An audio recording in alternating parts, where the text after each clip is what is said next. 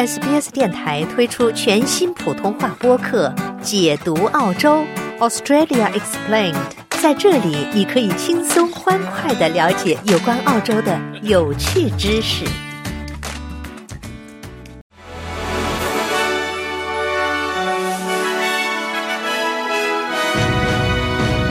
听众朋友您好，我是 SBS 记者刘俊杰。今天是二零二三年十一月十号，星期五。本期 SBS 新闻快报的主要内容有：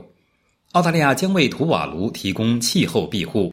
西澳政府承认在应对原住民青少年死亡事件中存在严重失误；南澳洲州长称阿德莱德将成为全国造船业的领头羊。以下是详细内容：澳大利亚总理阿尔巴尼斯与图瓦卢总理签署了一项协议，在两国之间建立联盟。并为这个低洼岛国提供所谓的气候庇护。该协议将为居住在图瓦卢的一万一千人提供特殊签证，使他们能够在澳大利亚工作、学习和生活，以应对气候变化的影响。图瓦卢被认为是最早受到气候变化影响的国家之一。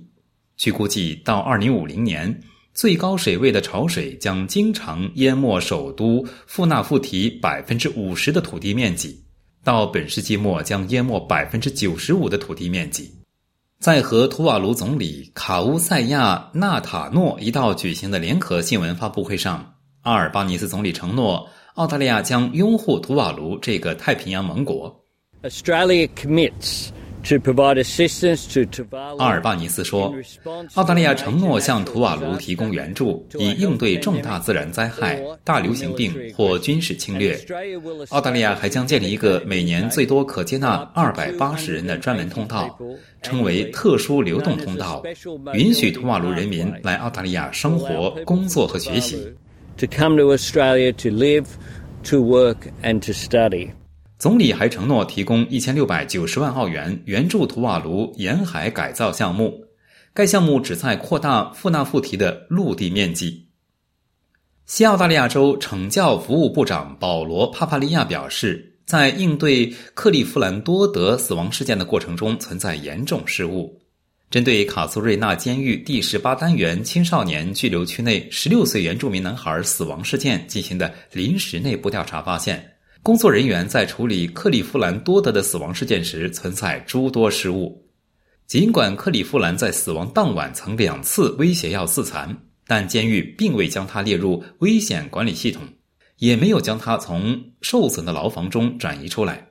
调查还显示，当克利夫兰自残时，一些工作人员正在休息或看电影，而且多名参与调查的工作人员没有按规定佩戴随身摄像头。帕帕利亚承认，监狱工作人员辜负了克利夫兰，并表示这些错误表明需要进行更广泛的文化变革。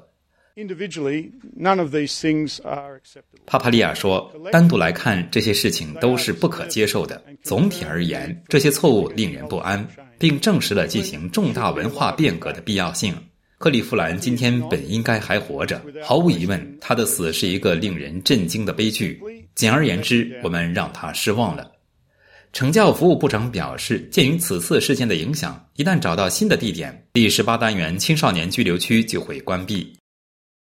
南澳大利亚州州长彼得·玛丽娜·乌斯卡斯表示，对阿德莱德国防制造业的投资将使该市成为全国造船业的领头羊。在联邦政府为建造期待已久的 AUKUS 核潜艇舰队迈出重要一步之际，南澳大利亚州正在大力培训数以千计的国防工人。不过，如果阿德莱德要成为全国的造船之都，到二零四零年代，该州将需要把现有的三千五百名技术工人增加一倍以上，达到八千五百多人。玛丽娜·乌斯卡斯说，将在奥斯本海军造船厂开设一所新的学院，以促进这方面的培训。他说，将在奥斯本的这块土地上建立的学院，将使成千上万的南澳大利亚年轻人接受培训。掌握建造核潜艇和水面舰艇的技能，这些潜艇和水面舰艇将在奥斯本建造。该学院将培训年轻工人，他们不仅将在奥克斯潜艇上工作，还将在水面舰艇上工作。因此，这是联邦政府的一项战略投资，表明奥斯本是我国主要海军造船企业的所在地。感谢收听本期 SBS 新闻快报。您可以在任何播客平台搜索 SBS 普通话，点击订阅，开启消息提醒，即可了解澳洲国内外新闻及社区信息。